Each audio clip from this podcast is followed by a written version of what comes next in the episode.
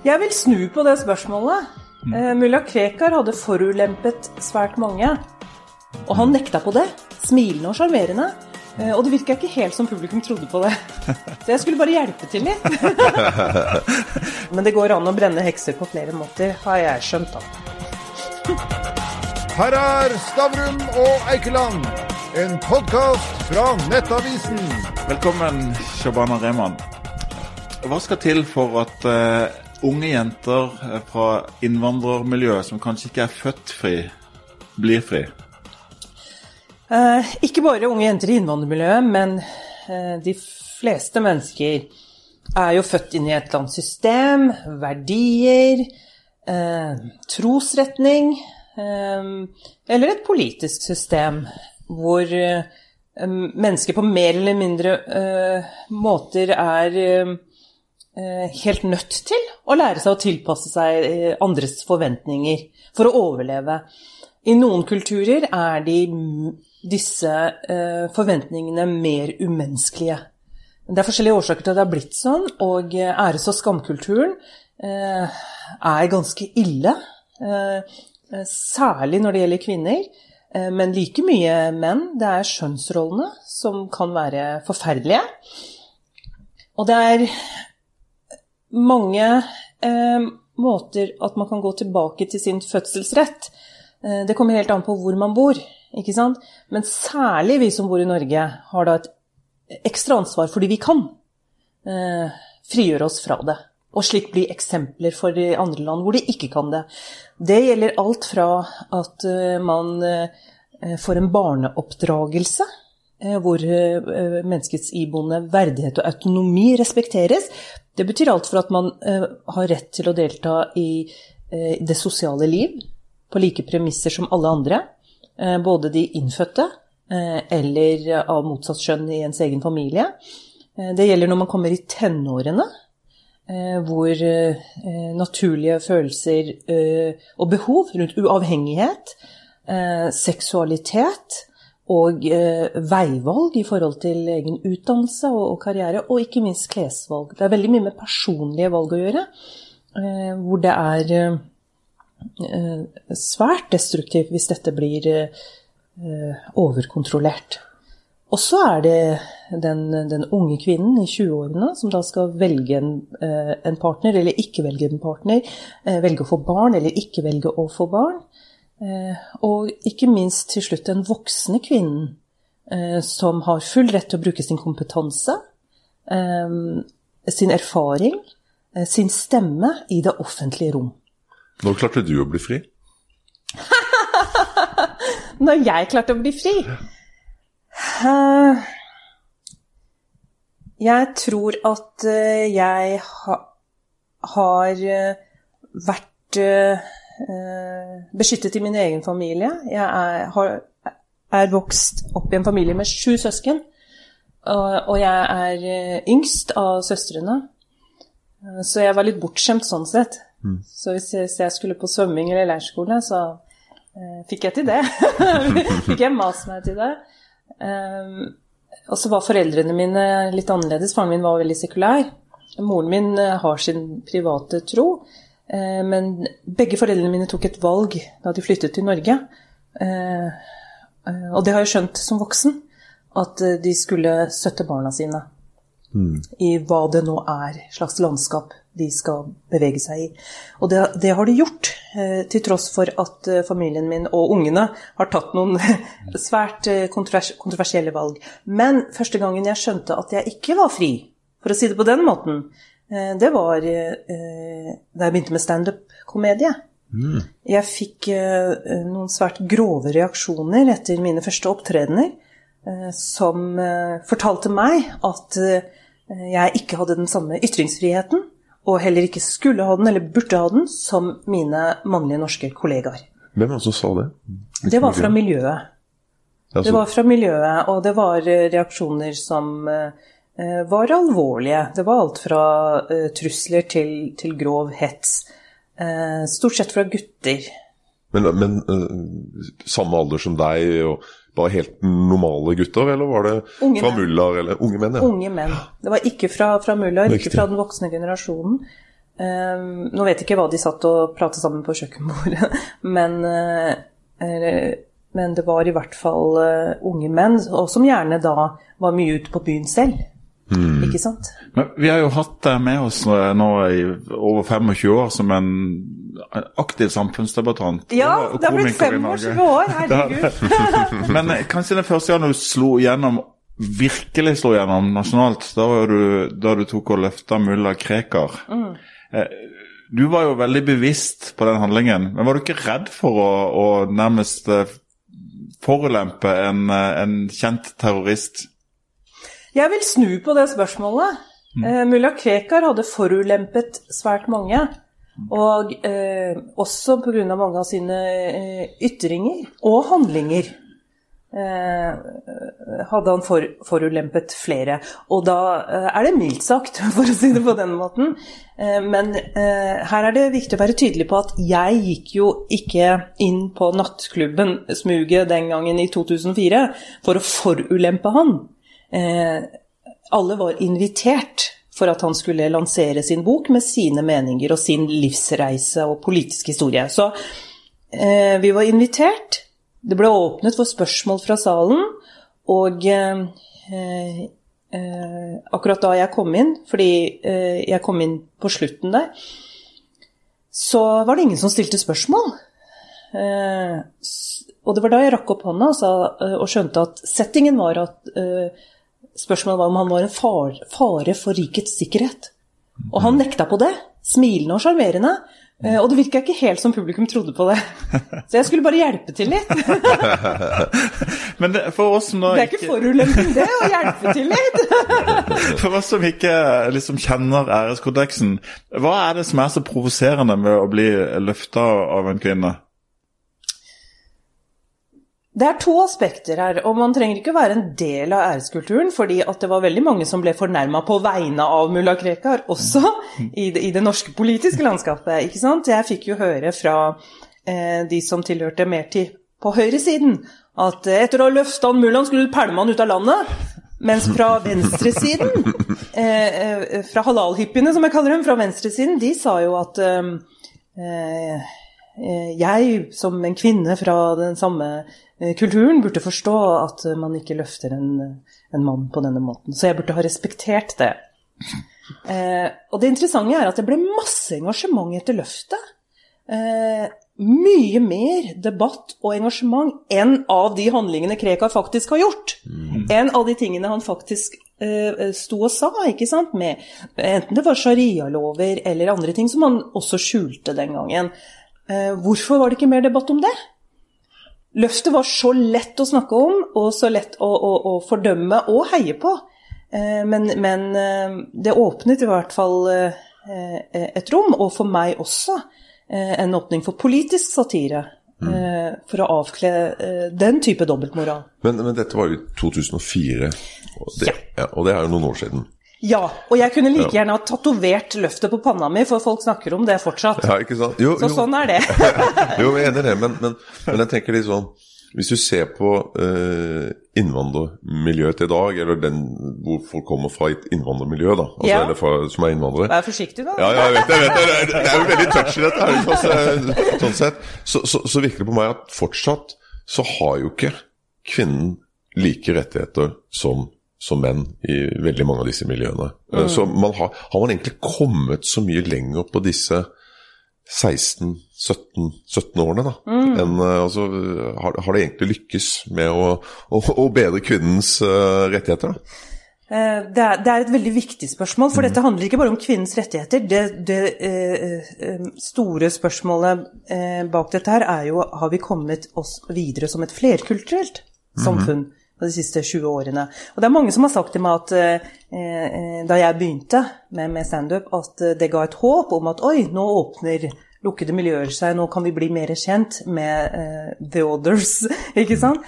Eh, og det var også mitt håp, selvfølgelig. Eh, som også var grunnen til at jeg takket ja til å lede Født Fri for tre år siden. For jeg ble også lettet og glad over at yes, en ny generasjon har vokst opp. Vi har Skamløsbevegelsen. Det er flere kvinner som tar ordet. Det blir produsert filmer, skrevet bøker. Det har skjedd noe. eh, heller ikke jeg hadde et ønske om at, å bli stående alene eh, i dette her. Um, min erfaring nå, med, eh, etter å ha jobbet med Født Fri i tre år, og den rapporten jeg eh, egentlig jobbet med for å levere til myndighetene, eller til offentligheten, for å si det sånn, eh, det er at eh, nei, innvandrermiljøet med sine mer eller mindre nyanser og eh, prosesser i integreringen er ikke moden for en fullstendig likestilling, eh, frigjøring og hva skal jeg si en, en, normalt forhold til eh, å leve i et vestlig fritt demokrati eh, eh, ennå. De er ikke det. Hvem, hvem, er det vi snakker om? For dette, eh, vi snakker ikke om østeuropeiske katolikker, og vi snakker ikke om sekulære personer fra Afrika. Er det Snakker vi om om det muslimske miljøet? Snakker vi om pakistanske miljø, eller hvem, hvem er det vi refererer til? Ja, la, la oss ja. gå og definere dette her nå. Ja. Nei da, altså i, Født Fri så så vi at eh, slike miljøer med negativ sosial kontroll, som er blitt det, det populære ordet for æres- og skamkultur nå, da, mm. finnes Eh, overraskende for noen, men ikke alle, i flere miljøer i Norge. Det fins i, i hindumiljøet, det fins i, i, i, kristne sekter, det finnes i, muslimske miljøer. Det som er eh, viktig å se på når det gjelder muslimske miljøer, er at vi har flere nasjonaliteter her, ikke sant? Eh, flere landbakgrunner som eh, bærer dette, denne, dette, denne, dette kvinnesynet fortsatt. Med, med, med, sine kultur, forskjellige kulturelle farger. Også kan man se på hvor lenge de har bodd her, ikke sant? hvem som er sist ankomne og slike ting. Eh, eh, det muslimske miljøet har eh, størst fokus. Kanskje fordi det er flere sterke stemmer der, men, men også fordi at sanksjonene, altså straffen, er så sterk. Og, og, vi snakker da om mennesker som havner på kode 6, ikke sant? Med, med full anonymisering, at personnummeret blir fjernet, og at uh, vi har også da hatt tilfeller av æresdrap. Um, men det tilhører ikke kun den muslimske kulturen. I bunn og grunn så snakker vi om et kvinnesyn. ikke sant? Det tradisjonelle møter det moderne. Uh, og så er det tolkning av religion. Uh, i, i, mange miljøer er det en sterk konservativ tolkning av den islamske tro. I, I, andre familier finnes det ikke. Eh, og hvem er det som overlever i offentligheten? Er det de mer liberale kreftene i disse miljøene? Eh, får de ordet nok? Eh, får de sekulære stemmene ordet nok? Det vi også har sett i de, i de muslimske miljøene, og da særlig den pakistanske, og nå også den somaliske og tyrkiske muligens også, det er hvordan organiserer de seg? På 70-, 80- og 90-tallet så organiserte de seg i, i moskeer. Eh, og da er man jo ganske låst, fordi der, der, følger man jo den ene boka. ikke sant? Eh, og det er ganske forståelig, for det er det de gjør. Det, det vi har sett i, i, i, Norge de ti siste årene, er at minoriteter nå organiserer seg og sine interesseorganisasjoner utenom gudshusene, utenom moskeene. Vi har eh, LIM, eh, likestilling, integrering og, og, og, mangfold. Vi har Senter for sekulær eh, integrering. Vi har eh, eksmuslimer. Eh, og så hadde vi Født Fri. Mm. Vi hadde Født Fri. Ja. hva er grunnen til at ikke vi ikke har Født Fri lenger? Grunnen til det eh, er så sterk, og uh, jeg er fortsatt i den prosessen med å bearbeide det, for å si det rett ut. Eh, og den, den, den, er så sterk også for meg, fordi jeg har sett inn i en side av det norske systemet som jeg ikke visste om. Som har endret min oppfatning av, av Eh, norsk byråkrati for alltid. Um, vi, vi, har vært ut, Født Fri har vært utsatt for en eh, offentlig eh, Eller ikke offentlig, Født Fri har vært utsatt for en privat granskning. Eh, for et, litt over et halvt år siden så fikk jeg en beskjed fra norsk presse, fra avisen Vårt Land, at Født Fri skal bli gransket. Eh, noe jeg ble glad for, fordi jeg hadde hørt rykter om at det eh, gikk en del eh, anklager og rykter om Født Fri, så tenkte jeg ok, bra, dette er en mulighet til å rydde opp i det. Full tillit til systemet og til direktorat og til departement, selvfølgelig, at fakta vil komme på bordet. Helt til jeg ble avhørt av private granskere. Og da skjønte jeg at dette her er ikke en vanlig granskning. Eh, jeg begynte å merke skritt for skritt at det jeg trodde var sikkert, min rettssikkerhet, eh, skulle bli ivaretatt, ble ikke det. Eh, gang på gang ble den tråkket på, både i pressen, men mest av alt i, i systemet. Jeg så hvordan både Varslingsinstituttet, Granskingsinstituttet og, og direktorat gjorde ting som var i ferd med å ødelegge mitt liv fullstendig, uten at jeg fikk fortelle min versjon. Bare for å dra, bare for å dra ja, litt, ja. litt, med, så, så Født Fri var jo en stiftelse som fikk eh, statsstøtte. Født Fri fikk statsstøtte 5 millioner kroner for tre år siden eh, etter initiativ fra Abid Raja. Og, så, og allerede da var det jo eh, mis, misunnelige røster ute som kritiserte denne opprettelsen av Født Fri. Og så Det stemmer, og det eh, ironiske er at det var kvinneorganisasjoner som var mest kritiske. Eh, Og så, for å bare spole fram til, til den avgjørende passen, så, så, så kom det altså noen varslinger og noen anklager som da ble, ble granska av Ernst Young på vegne av IMDi.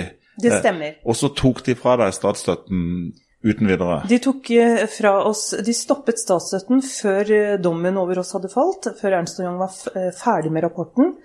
Eh, Ernst Young slipper rapporten eh, på regjeringens sider i, i, i media først.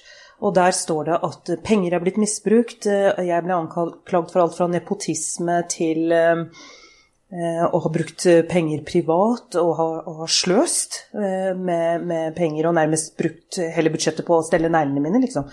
Så det, det var en rekke grove, alvorlige anklager. Altså Det var en offentlig henrettelse, sånn som det ble fremstilt, for å si det sånn. Ja, det var det. Jeg kunne ikke gå ut av døra de første Nei. dagene. Og, og det, det sterke her er jo at ja, en, en offentlig henrettelse. Jeg visste egentlig ikke hva granskning At det fantes private konsulentselskaper, og at myndighetene bruker det. Eh, Så det var mye å lære for, for min i den prosessen også, men, men Født Fri eh, gikk da konkurs. Eh, Det var jo ikke penger til å fortsette å avslutte prosjektet. Ja. Men da har du da den Bo-rapporten som da kom etter denne konkursen. Eh, og det er jo da en offentlig henrettelse igjen av en eh, granskning, for å si det rett ut. Altså Der blir jo du og eh, Født Fri rett og slett frikjent på, på det meste. Det, det stemmer. Det som skjer når man blir slått konkurs og har vært på eh, statsstøtte, er jo at eh, konkursboet får en bostyrer som også må gå gjennom alt for å finne ut om det har skjedd noe kriminelt, om det må skje en politianmeldelse. Eh, noe som også Ernst og Young anbefalte først. Eh, men de trakk det tilbake. Ja. Så bostyrer gikk igjennom, de fikk akkurat den samme dokumentasjonen, og var jo ganske dreven på det, som Ernst Young hadde fått. Eh, Og, det, og vi ble frikjent på alle punkter. Altså For å si det rett ut, det, den er jo nådeløs, Bo-rapporten. Den avkler jo IMDi, eh, IMDis ledelse og Ernst Young totalt. Det er jo ingenting igjen av det som var anklagene mot deg når du har lest den Bo-rapporten. Ja, den gjør det, og jeg var blitt så vant til at eh, eh, eh, Altså i hele denne sviket av rettssikkerheten min, at, at dette, dette ventet jo ikke jeg engang. Eh, men eh, opplevelsen var at endelig er det noen som faktisk leser dokumentasjonen og sier den. Og, og, og skjønner konsekvensene av, av eh, brutaliteten i det som har skjedd. Da. Men jeg har en sånn regel i livet at tilfeldigheter, det, det, det skjer ikke. Altså det, alt skjer med en mening. Hvem var det og er det som vil deg vondt? Jeg tror eh, Nå er det Consby-time her, tror jeg. jeg tror at eh, eh, Det virker jo som noen virkelig ville både Født Fri og meg, meg vondt. Både av personlige årsaker, eh, misunnelse, men også pga. det Født Fri sto for. Eh, det vi ikke fikk fortalt, og ennå ikke har fått fortalt, at vi hadde på to år gjort 30 prosjekter. Alt er filmet, alt er dokumentert. ganske sterke prosjekter med sterk dokumentasjon. Noen likte ikke det. Så er det hva, hvorfor indie? Hvorfor Ernst Young? Så jeg tror at det er flere som uh, nødvendigvis ikke var alliert med hverandre, men som hadde sammenfallende interesser om at uh, Født Fri burde stoppes. Mm. IMDi det er ledet av en tidligere Ap-politiker. Har det noe å si? Libe Ribe Moen. Eh, hvis det har det, eh, så kan det bli morsomt jobb å jobbe for gravejournalister framover, i hvert fall. Eh, og så har vi jo den kampen eh, internt i Venstre, som mange også har nevnt, ikke sant.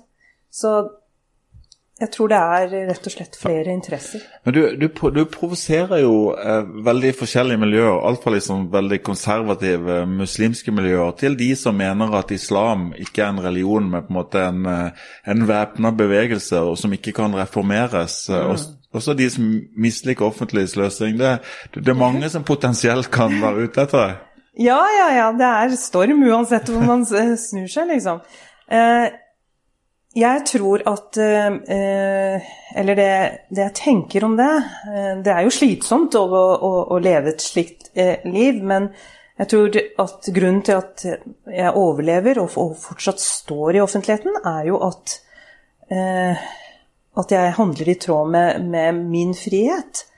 Eh, og sover med, med min samvittighet rundt det. Og, og hvis andre blir provosert av det, så er det deres problem. Det er ikke mitt problem. Eh, selv om jeg må stå i kampene med dem.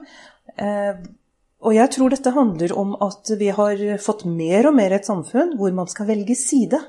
Og ikke velge side uansett. Provoserer. Det å være nysgjerrig, det å la andre få snakke ut, eh, selv om de står i, en total motsatt posisjon enn deg, eh, det takler folk dårligere og dårligere, og det mener jeg er farlig. Du brukte et artig begrep i sted som jeg ikke har hørt før, nemlig venstresidens halal-hippier. Ja. Hvem er det, og hva står de for? Halal er jo tillatt, Ja. og haram er helt forbudt.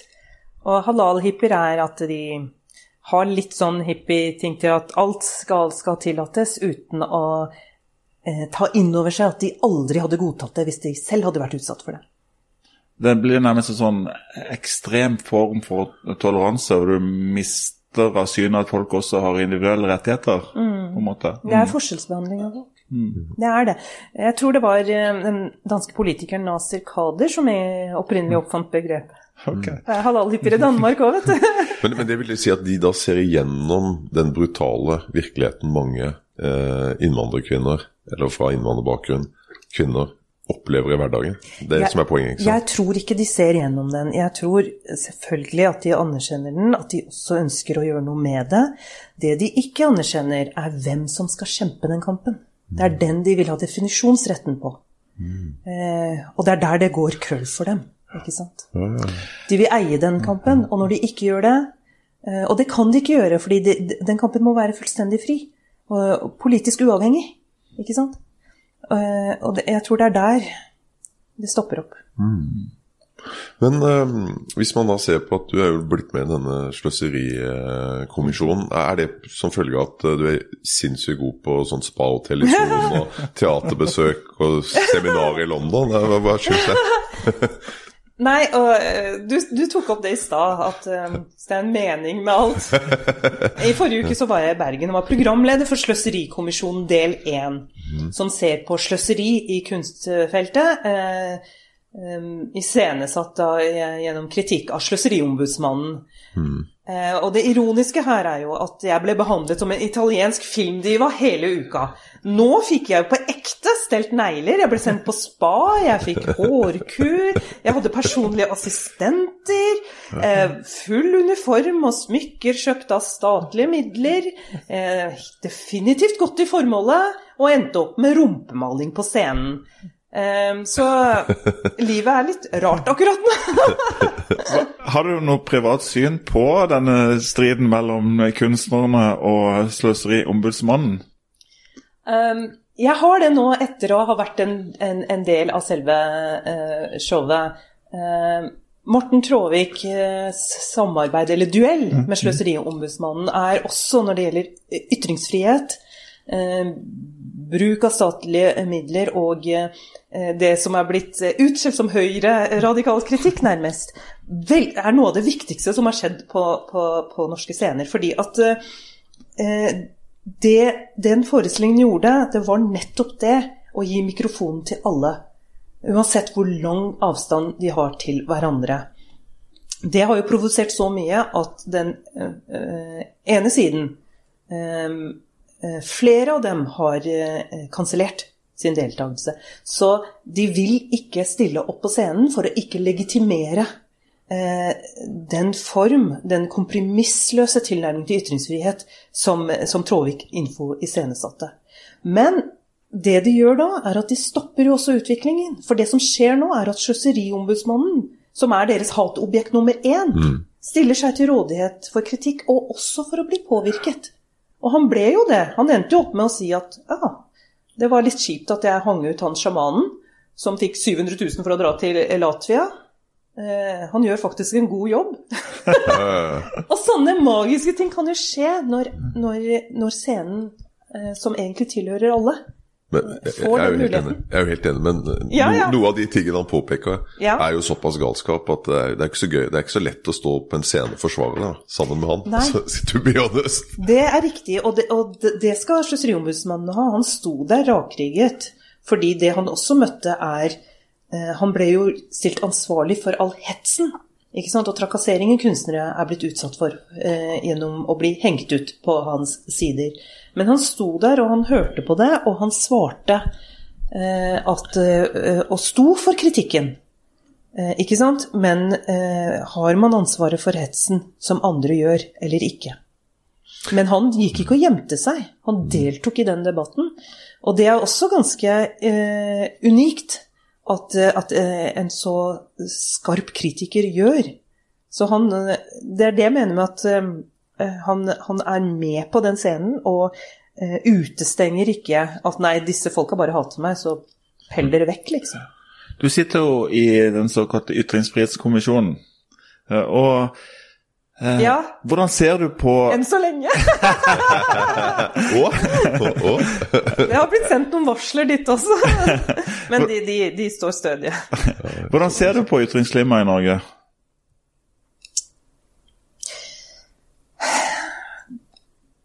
Det har eh, på noen felt blitt mye verre. Og eh, på noen felt blitt mye bedre. Når, det, når, ting blir mye verre, så blir vi også klokere, for da ser vi galskapen enda tydeligere. Det var mer subtilt før, vil jeg si. Mm. Eh, det er jo det jeg forsøkte de ti første årene jeg holdt på å si fra om.